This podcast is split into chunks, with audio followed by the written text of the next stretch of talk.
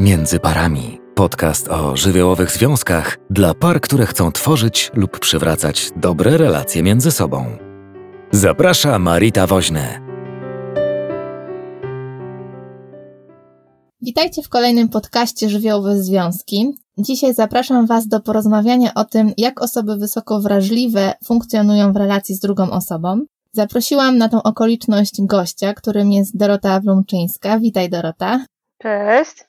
Dorota jest psychologiem, bliskie jest jej podejście rodzicielstwa, bliskości, a także porozumienia bez przemocy. Obecnie wspiera rodziców i zajmuje się też wsparciem osób wysoko wrażliwych, pracuje też z rodzicami. Prowadzi blog By Być, na który serdecznie Was zapraszam. Może e, zaczynając od początku, aby dla wszystkich było jasne, kim są osoby wysoko wrażliwe, e, jakie one mają cechy, po czym można je poznać, bo myślę, że prawdopodobnie wiele osób jest tutaj, które mogą się w tym rozpoznać. Powiedz, Dorota, jak rozpoznać takie osoby? Co, co to w ogóle jest ten termin osoba wysoko wrażliwa? Termin e, osoba wysoko wrażliwa to jest taki dość nowy termin ukuty przez panią, która się nazywa Elaine Aron. Natomiast nie jest to nowe zjawisko w psychologii, bo, bo gdzieś od dawna już dostrzegano, że są osoby, które temperamentalnie różnią się trochę od większości społeczeństwa właśnie taką wysoką wrażliwością. Wcześniej nazywano to reaktywnością. Mhm. Więc nie, nie jest tak, że to jest dopiero coś, co teraz zupełnie odkryto i wymyślono wysoka wrażliwość, tak opisana, jak dzisiaj się o tym mówi, y, nie jest tylko introwersją albo nie jest tylko nieśmiałością, tylko jest pewnym zbiorem cech temperamentalnych, czyli wrodzonych genetycznie. I wysoka wrażliwość opiera się na takich jakby czterech głównych filarach, tak jak dzisiaj o niej mówimy. Mhm. Pierwszym z nich jest po prostu wrażliwość na bodźce, i wrażliwość taka zmysłowa, czyli to, że wysoko wrażliwe osoby odbierają więcej z otoczenia niż osoby niewysoko wrażliwe. I na poziomie wzroku, słuchu, ale też bodźce takie fizyczne, dotyku, często smaku albo węchu. Więc wysoko wrażliwe osoby to są takie, które dużo więcej już dociera do nich informacji i też są o wiele bardziej wyczulone na jakieś takie szczegóły i subtelności w otoczeniu Także na, na samym starcie zetknięcia się z informacjami, jak, jak wysoko wrażliwa osoba znajduje się w jakimś pomieszczeniu i niewysoko wrażliwa osoba, to ta wysoko wrażliwa dużo więcej dostrzega i dużo więcej do niej dociera. Mhm. Na przykład wysoko wrażliwa osoba może usłyszeć ładującą się ładowarkę w kontakcie, albo może usłyszeć to, co się dzieje za oknem, albo nie wiem, bzyczącą lampę, zauważy migoczące światło, dostaje dużo, dużo więcej tych bodźców do mózgu. Mhm. Te różnice w e, postrzeganiu e, bodźców nie polegają tylko na ich odbiorze, ale też na głębi analizowania. Mhm. I jest bardzo dużo badań na temat budowy mózgu wysoko wrażliwych osób, że on jest skonstruowany w trochę inny sposób, że te bodźce podlegają głębszej obróbce, mhm. że niektóre obszary w mózgu są bardziej rozbudowane, takie jak na przykład ciało migdałowate, które jest jakby takim e, alarmem, jest bardziej też aktywne u wysoko wrażliwych osób. Z tego względu łatwiej u nich o, o to, żeby się zdenerwowały czy przestraszyły czegoś. Także to jest taki pakiet, który sprawia, że nie dość, że do, do wysoko wrażliwe osoby otrzymują więcej bodźców, to jeszcze je głębiej analizują. W związku z czym e, wiąże się to z e, taką trzecią cechą, którą jest łatwość przestymulowania się. I wysoko wrażliwe osoby to są często osoby, które mhm.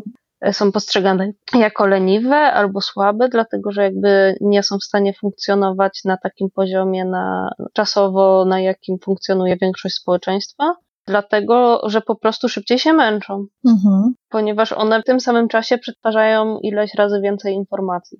Mm, czyli trochę gdyby y, jakoś powiedzieć to innymi słowami, tak żeby można było jakoś gdzieś to w sobie rozpoznać, to y, nie wiem, czy się z tym zgodzisz, to są takie osoby, które na przykład y, po koncercie no, muszą mieć czas na wyciszenie się, albo nie wiem, mogą bardzo kochać swojego partnera czy partnerkę, ale trudno jest im wytrzymać jakoś w takiej dużej intensywności rozmowy. Albo na przykład mm, brakuje im jakichś głębokich rozmów z partnerem, czyli że one wszystko na takim głębszym poziomie gdzieś y, przeżywają, albo mm, osobie, która żyje z taką mm, osobą wysoko wrażliwą, może być też trudno zrozumieć, że ona potrzebuje trochę pobyć sama i że to nie jest taki aspekt odrzucenia, tylko właśnie jakiegoś wyciszenia się. Tak, zadbania o siebie. Mhm. To, jakby w związku tutaj e, pojawiają się różne, różne dylematy. Natomiast myślę, że to też jest tak, że w każdym związku mamy dwie osoby, które mają różne potrzeby, czy różne nasilenie potrzeb mhm. w określonym, nie wiem, jakby to powiedzieć, przedziale. I że tak samo może być w związku introwertyk i ekstrawertyk, chociaż y, obydwoje mogą być niewysoko wrażliwi i to też wymaga dopasowania się, nie? Mhm. Co jest taką wadą i zaletą bycia osobą wysoko wrażliwą? Mm, ja w ogóle nie lubię mówić o wadach i zaletach, bo one zakładają jakąś taką bardzo dużą stałość cech. E, I też sobie myślę, że każda cecha może być wadą i zaletą. Mhm. Więc, więc dlatego mniej, mniej lubię mówić o, o tym. Łatwiej mi mówić o tym, że są pewne trudności, z którymi się wysoko wrażliwa osoba e, boryka, i z drugiej strony są rzeczy, które jej ułatwiają. Mhm. Więc na pewno trudności związane z wysoką wrażliwością to, to, no to jest przede wszystkim e, skłonność do przestymulowania się. I dzisiejszy świat nie jest światem, który sprzyja temu, żeby było mało bodźców, raczej jest wręcz na odwrót. E, więc tutaj zdecydowanie ta skłonność do przystymulowania się jest taka bardzo trudna. Później trudnością jest też funkcjonowanie w relacjach społecznych, dlatego że nasz świat jest jednak dyktowany przez to 80% społeczeństwa, które nie, nie jest wysoko wrażliwe. Mhm. Więc w tym momencie jakby potrzeby wysoko wrażliwych osób są uważane za trochę dziwne czy odstające.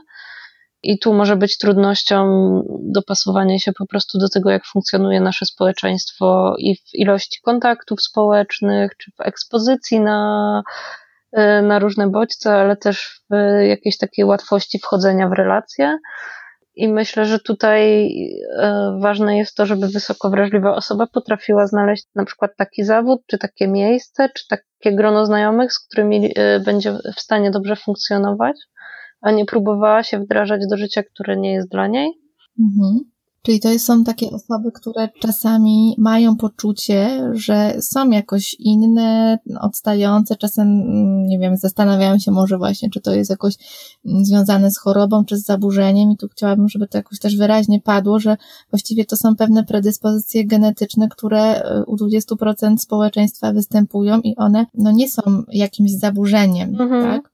E, absolutnie, no to jest bardzo ważne. I to jest też ważne e, w przypadku małych dzieci, że one często, jak dzieci są takie wyraźnie wysoko wrażliwe, to łatwo, e, łatwo o taką tendencję do diagnozowania je w jakąś stronę. Mhm. Na przykład zaburzeń ze spektrum autyzmu czasem, albo, albo jakichś zaburzeń uwagi na przykład. E, gdzie okazuje się, że to jest po prostu wysoko wrażliwe dziecko, któremu trudno jest funkcjonować w jakimś tam otoczeniu. No i tak samo jest z mhm. dorosłymi, że to nie jest zaburzenie, to jest pewien wzorzec genetyczny, dziedziczony, na który też wychowanie ma bardzo mało, no nie ma wpływu na to, że jesteśmy wysoko wrażliwą osobą. Wychowanie może sprawić to, że, że komuś będzie łatwiej albo trudniej z tym jego zestawem cech, ale, ale dalej ktoś jest wysoko wrażliwy, jeśli się taki urodził. Mhm. Tak jak mówiłaś, nie? To nie jest zaburzenie, i w momencie, jak ludzie zaczynają sobie zdawać sprawę z tej swojej wysokiej wrażliwości, z tego, jak mogą funkcjonować, czego potrzebują, żeby dobrze funkcjonować, to się okazuje, że ich życie się zmienia na lepsze. Nie? Mhm. Problemem e, jest to, kiedy gdzieś tam wysoko wrażliwe osoby próbują stosować do siebie takie normy społeczne, e, które są ustalone przez tą większość niewysoko wrażliwą i nie wychodzi im to, nie? Mhm. I to może doprowadzać do takiej sytuacji, kiedy wysoko wrażliwa osoba bardzo, bardzo się stara i stara się ponad swoje siły, żeby spełnić te standardy, na przykład, nie wiem, żeby pracować 8 godzin dziennie, a potem się uczyć i coś tam, chodzić na siłownię i coś tam, co dla tej osoby jest za dużo. I to są sytuacje, kiedy ze zmęczenia takie osoby wtórnie e, mogą mieć jakieś problemy ze zdrowiem psychicznym, takie jak na przykład depresja, nie? Mhm. Tutaj trochę bym chciała jakoś powiedzieć o tym, że to wychowanie nie ma wpływu właśnie na to, czy ktoś jest osobą wrażliwą, wysoko wrażliwą, czy też nie, bo to po prostu chodzi o inne funkcjonowanie układu nerwowego. Natomiast, yy, tak jak też powiedziałaś, że trochę yy, ma wpływ to, jak osoba wysoko wrażliwa, jakiego wychowania też doświadczała, tak? Mhm. Coraz więcej o tym wiemy, jak kluczowe jest wychowanie, szczególnie przez te dwa pierwsze lata życia, nie? Dla dzieci.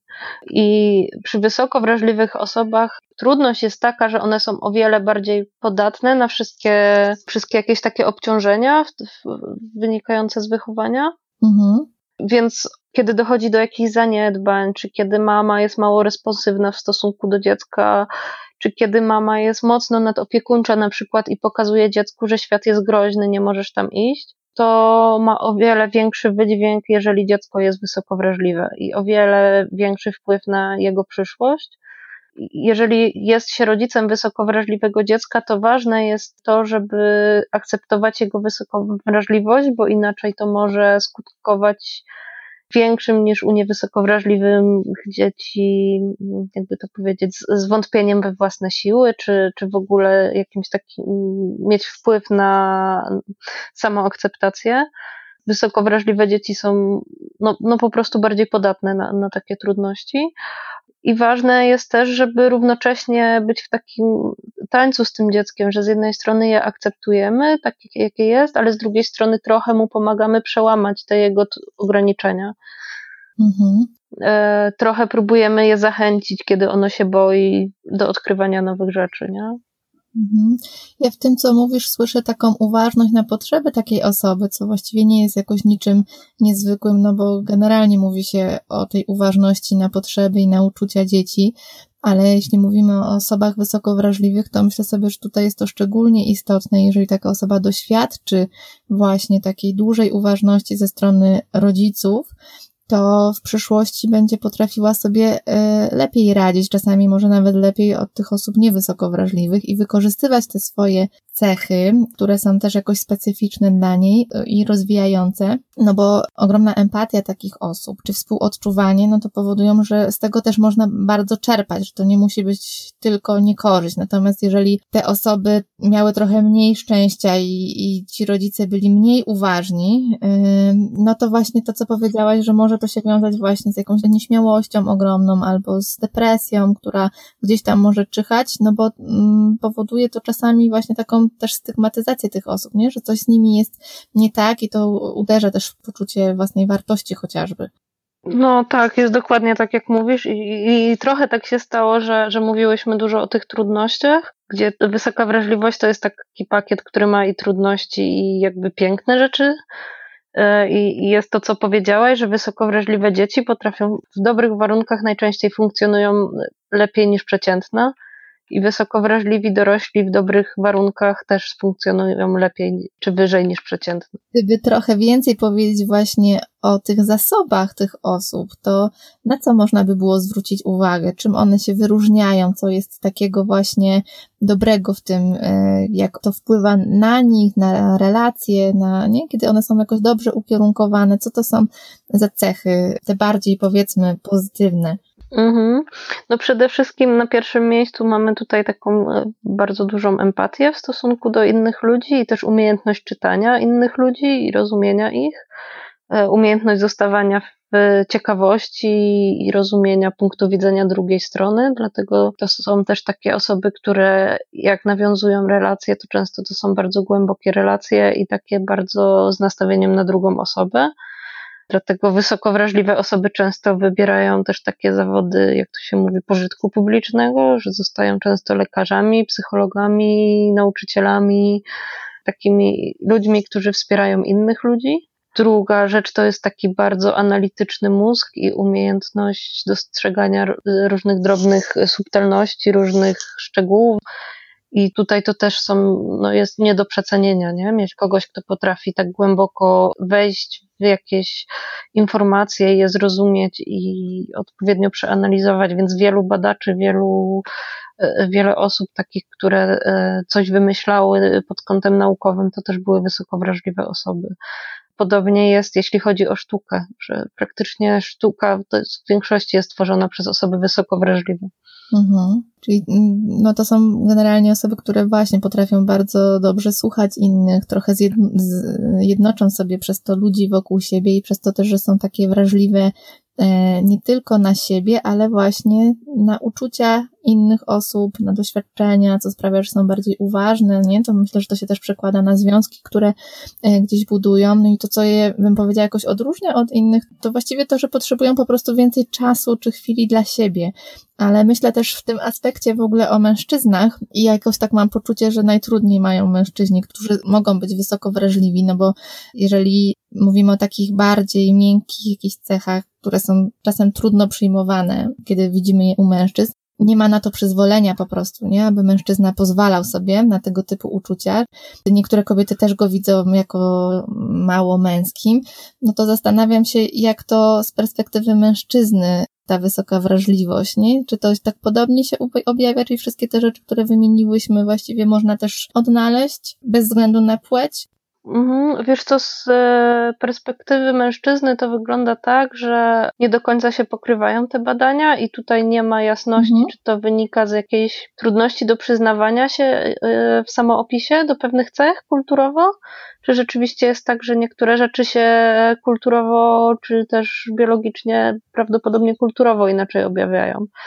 Ja mam taką myśl, że często wysoka wrażliwość u facetów, ponieważ jest bardziej negowana, to objawia się takimi e, na przykład złością, mhm. że złość to nie jest rzecz, która się kojarzy z wysoką wrażliwością, natomiast ona się pojawia w momencie przeciążenia, że uruchamia się człowiekowi strefa walki i ucieczki i to może się dziać po prostu u wysoko wrażliwej osoby z tego względu, że że ona nie, nie daje rady z jakąś tam ilością bodźców i jeżeli mężczyzna tego nie akceptuje, a może być mu to trudniej niż kobiecie zaakceptować, że potrzebuje więcej czasu, żeby, żeby o siebie zadbać, y, no to rzeczywiście może, może być tak, że to się nie, nie manifestuje w taki sposób dla nas oczywisty, jak jakaś nieśmiałość, w cudzysłowie, czy jakieś częstsze wycofywanie się, czy większa introwersja, czy nie wiem, czy czy właśnie empatia, tylko wręcz przeciwnie, może być tak, że będziemy to widzieć jako złość na przykład, nie? Albo jako uzależnienie i nie będziemy wiedzieli, że pod tym się kryje wysoka wrażliwość, więc to nie jest aż takie proste zawsze do powiedzenia jednoznacznie. Z takiego męskiego punktu widzenia dużo o tym mówi Tomek Sadzewicz, bliskościowy ninja i on ma jakąś tam grupę, więc myślę, że, że tutaj facetom polecam jego obserwować. Dokładnie, te, też się do tego tutaj przychylam. E, no to jeżeli e, mówimy już trochę o kobietach, o mężczyznach, to gdyby spojrzeć na to z perspektywy relacji i znowu, jak taka osoba wysoko wrażliwa, mm, jakie ona może mieć trudności w relacjach, z czym muszą się mierzyć ich partnerzy czy partnerki, Mhm. Wiesz co, pierwsza rzecz, która mi przychodzi też jako wysoko wrażliwej osobie do głowy jest taka, że wysoko wrażliwe osoby tym, co najczęściej słyszą, jest nie histeryzuj, nie przesadzaj, nie rób z igły widły i tak dalej, nie? I te trudności w relacjach wynikają często z tego, że inni ludzie nie rozumieją tego, jak wysoko wrażliwa osoba doświadcza świata. Czyli w zasadzie to są takie trudności, jak każdy człowiek ma w relacji, że ktoś nie rozumie tego, jak on doświadcza świata. Tutaj to, że jakby pojawił się taki dyskurs o wysoko wrażliwych osobach, no mi się wydaje, że na dość dużą skalę, bo tych książek jest coraz więcej i, i rzeczywiście ludzie zaczynają w ogóle używać tego terminu, sprawia, że jesteśmy łatwiej w stanie dyskutować o tych różnicach, które są między nami. Czyli, że ja nie jestem historyczką, ja jest, łatwiej się męczę, bo dostaję dużo bodźców, nie? Mhm. I to są takie rzeczy, o których warto gadać w związku i warto o nich gadać nie jak się kłócimy, tylko na sucho, mhm. żeby móc siebie rozumieć pod tym kątem, że ja się z czymś łat męczę łatwiej niż ty, albo że coś dla mnie jest trudne, a dla ciebie nie jest. I myślę, że to też jest taka normalna rozmowa w związku o tym, że coś nie wiem, ktoś nie lubi dzwonić, a ktoś nie lubi prowadzić samochodu i dzielimy się tak, żeby nam było tym łatwiej, nie? Mhm. Myślę, że wysoko wrażliwa osoba to może być ta osoba, która chętnie napisze życzenia na przykład, albo chętnie będzie dbać o relacje z członkami rodziny i będzie do nich dzwonić. Mhm. A, a wcale niekoniecznie ta, która będzie załatwiać coś z trudnym sąsiadem, nie? Mhm. Myślę, że tutaj jakby kluczem jest gadanie o tym, co, z czym mi jest łatwo, z czym mi jest trudno, jak ja widzę świat i też e, traktowanie swojego partnera jako osobę, która może nam w tym pomóc. Więc jeżeli rzeczywiście jest tak, że jakaś rzecz nas bardzo obciąża, jak na przykład myślę o wysoko wrażliwej osobie, nie wiem, pójście do galerii, żeby kupić dziecku buty, nie? Koszmar dla wysoko wrażliwej osoby. Mhm. To albo robimy to we wtorek o 14, kiedy nikogo tam nie ma, mhm. Albo możemy poprosić naszego partnera, żeby to zrobił za nas i w tym momencie oszczędzamy też energię dla niego, nie? że to jest dla, ze wszystkim, dla wszystkich z korzyścią, dlatego że wysoko wrażliwa osoba musi sobie bardziej racjonować tą energię, mhm. bardziej zwracać na to uwagę, że jeżeli ja ją w ciągu pół godziny w galerii zużyję energię na cały dzień, to już nie będę jej miała siły dla męża, dla dzieci, nie wiem, dla moich przyjaciół, tylko przyjdę do domu i padnę z migreny, nie? Mhm. Czyli właściwie sprawdza się tutaj taka podstawowa rzecz, która w ogóle się sprawdza w relacjach, jakichkolwiek, myślę, i uważność na to, co ja czuję, jak ja przeżywam, e, co się ze mną dzieje w różnych sytuacjach i rozmawianie o tym z drugą osobą, nie wiem, informowanie o tym już od samego początku, bez jakiegoś stygmatyzowania czy, e, nie wiem, samokrytyki, tylko przyjmowania, że tak mam i, i mogę mieć y, różne trudności, nie wiem, czuć się właśnie przeciążona czy zmęczona i dawać sobie prawo do tego, żeby odpocząć. I, i rozmawianie z drugą osobą, jak jej jest z tym i co my możemy wspólnie z tym zrobić, tak sobie wyobrażam, i że właściwie mm, to, to, o czym teraz mówię, no to pasuje y, równie dobrze do związków, gdzie nie mówimy o wysokowrażliwości, nie? Żadnej z osób. Tak. Pomyślałam jeszcze sobie, jak osoba wysoko wrażliwa jest w relacji z drugą osobą wysoko wrażliwą, że z jednej strony mm, te osoby będą się super rozumieć, bo będą współodczuwać, będą miały poczucie, że nie muszą udawać, nic wyjaśniać, będą razem spędzać ten czas, zachwycać się jakąś swoją podobną wrażliwością czy spostrzegawczością jednak mo mogą mieć te same trudności, które też powiedziałaś, nie zadzwonić, załatwić jakąś sprawę, podjąć jakąś decyzję, że tam nie będzie takiej osoby, która e, będzie gotowa być może zrobić to i, i na tym polu mogą pojawiać się trudności. Natomiast e, kiedy osoba wysoko wrażliwa będzie w związku z osobą niewysoko wrażliwą, no, o jakimś innym, odmiennym temperamencie, to tam też można się doszukiwać zasobów, że tam jest szansa na uzupełnianie się i zasobem będzie to, że ta osoba wysoko wrażliwa będzie dawać wrażliwość właśnie drugiej osobie, będzie głębiej tą relację tworzyć i zapraszać do takiego głębszego kontaktu, a ta osoba mniej wrażliwa będzie miała szansę właśnie na głębsze przeżywanie świata, uczuć, czego nie byłaby w stanie sama zrobić, czy doświadczyć bez tej osoby, prawda? I myślę sobie, że e, w drugą stronę, w takiej relacji te osoby wysoko wrażliwe mogą czerpać i owszem, im jest czasami trudno otworzyć się na jakieś zmiany czy nowe doświadczenia, które budzą generalnie jakiś stres czy czasami lęk, ale pozwalanie sobie na to, czy podążanie, zaufanie tej drugiej stronie od czasu do czasu w tych kwestiach też może powodować, że i one będą doświadczały jakichś nowości i, i przekraczały czasami swoje granice, rozwijając różne aspekty też siebie i nowych obszarów, które mogą poznać i uznać za atrakcyjne też dla samych siebie. Nie wiem, czy się zgodzisz z tym, czy widzisz to inaczej? Pewnie, że się zgodzę. Myślę, że to w ogóle tak jest w związkach, że nigdy nie jesteśmy tacy sami i że, e, że te nasze różnice zawsze mogą być trudnością, ale mogą być zasobem, dlatego że każda trudność może być zasobem. Więc myślę, że myślę, że pewnie, że tak. E, myślę sobie też o tym, jak się mówi, że dwie osoby wysoko wrażliwe to będą się super rozumieć, bo są wysoko wrażliwe, mhm. że ta wysoka wrażliwość nie do końca jest zawsze tym samym też badania nie są jednoznaczne. W tej chwili mówi się o, że są co najmniej dwa, trzy, cztery takie modele wysokiej wrażliwości, czy jakby, że można mieć jakby pakiet wszystkich czterech, a można mieć tylko dwóch i wtedy ta wysoka wrażliwość się różni. Mhm. Ja mam doskonały przykład w domu, gdzie mam dwójkę wysoko wrażliwych dzieci. Każde z nich jest wysoko wrażliwe zupełnie inaczej. Także mimo, że jestem psychologiem i, i, wiem o tej wysokiej wrażliwości, to nie od razu się zorientowałam, że, że mój synek też jest, bo jest tak inny od mojej córki pod tym kątem.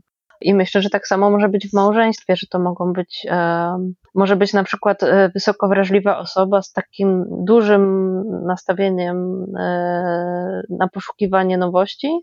Też, też jest taka forma wysokiej wrażliwości i z dużą ekstrawersją.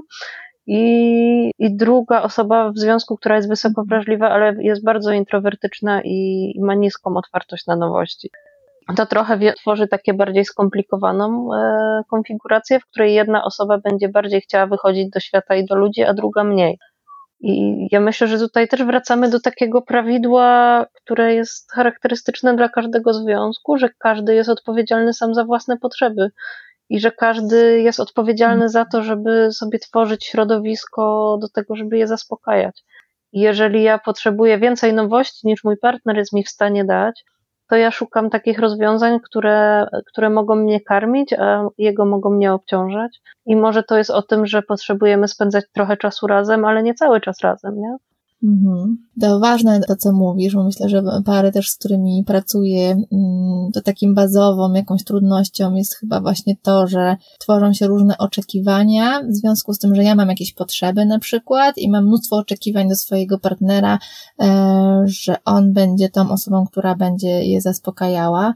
I to zdanie, że każdy z nas jest odpowiedzialny za własne potrzeby i za ich zaspokajanie jest, e, wydaje mi się bardzo istotne, ale też szalenie trudne, że to taka wyższa szkoła jazdy trochę jest, nie? Żeby potrafić to robić i potrafić oddzielać się od oczekiwań, które w związku z tym się tworzą, tak w ogóle już w parach, nie? Pomijając już tutaj nawet ten aspekt wysokiej wrażliwości, tylko mm, przyjmując to jako mm, jakąś ogólną zasadę w relacjach, że, że trochę tak te relacje tworzymy i te trudności się w ten sposób gdzieś tam przejawiają. No, wiadomo, tym bardziej, że jakby sama sytuacja związku jest taka, że umawiamy się na to, że pewne potrzeby realizujemy tylko w związku. A właściwie umawiamy się na to, że pewne strategie e, na, na realizowanie potrzeb e, są ok w związku, a inne nie są. Nie? I z innymi ludźmi pewnych rzeczy nie będziemy robić. I to w związkach bardzo różnie wygląda. E, myślę, że dla wysoko wrażliwej osoby wejście w głęboką rozmowę z kimś spoza związku może już być bardzo mocno nacechowane jako zdrada, nie? Mhm. Tak, no to y, zgodzę się tutaj z tym, więc właśnie, wydaje mi się, że kluczem jak zwykle, chociaż nie będzie to odkrywcze, co powiem, jest oczywiście rozmowa, ale też myślę, że y, otwartość na tą rozmowę i uważność, taka ciekawość chyba y, tej drugiej osoby, że no okej, okay, jestem z tobą, chcę z tobą być i ciekawi mnie to, jak ty przeżywasz świat, jak ty masz, podziel się ze mną, powiedz mi o tym, nie bez jakiejś oceny, krytyki, e, bez nakładania jakichś historii w głowie, które mi się zaraz na ten temat tworzą, czy wyobrażeń, tylko takiego realnego e, posłuchania, co ta druga osoba mówi na dany temat, jak przeżywa ten świat i że to jest uczenie się tworzenia wspólnego świata. Tak, i myślę, że, że w takim nastawieniu najwięcej możemy od siebie czerpać, nie? Dokładnie. Dobrze. Myślę, że, mm, że temat związków dotyczący osób wysoko wrażliwych dotknęłyśmy. Y, bardzo Ci dziękuję za tą rozmowę. Chciałabym, żebyś na końcu powiedziała też, gdzie można Ciebie znaleźć, y, gdyby ktoś chciał się z Tobą skontaktować na przykład i uzyskać jakąś pomoc albo poczytać. Mhm. No w tej chwili najłatwiej mnie znaleźć w internecie, w związku z czym albo prowadzę konsultacje online, albo można rzeczywiście na tym moim blogu by być mnie znaleźć. I odbieram e-maile i wiadomości wysłane messengerem. No a normalnie jak nie ma epidemii, to pracuję na Krzyckiej e, i tam przyjmuję w gabinecie. I normalnie też e, pracuję wtedy czasem online, więc można i online, i w gabinecie. Czasami też robię warsztaty głównie dla rodziców. Czasem e, prowadziłam o wysoko wrażliwym dziecku, o złości. Najczę najczęściej takie około rodzicielskie tematy. Trochę to zależy od zapotrzebowania w danym momencie. Mhm. To wszystko jest jakby gdzieś tam e, na moim profilu na Facebooku można zobaczyć. Jak się, jak się będzie pojawiać, to będzie tam. Dobrze, to mm, odsyłam wszystkich, którzy potrzebują jakoś wsparcia w tym zakresie. Myślę, że pary, które posiadają dzieci, e, mogą z tego rzeczywiście czerpać i korzystać, no bo temat dzieci jest też w związku bardzo y, intensywny i oprócz wielu radości też sprawia y, trochę wyzwań. Więc y, bardzo serdecznie zapraszam i dziękuję Ci Dorota za dzisiejszą rozmowę, za podzielenie się tą wiedzą, za poświęcony czas. Super, że przyjęłaś moje zaproszenie. Dziękuję. No ja dziękuję bardzo za zaproszenie i za ciekawe pytania.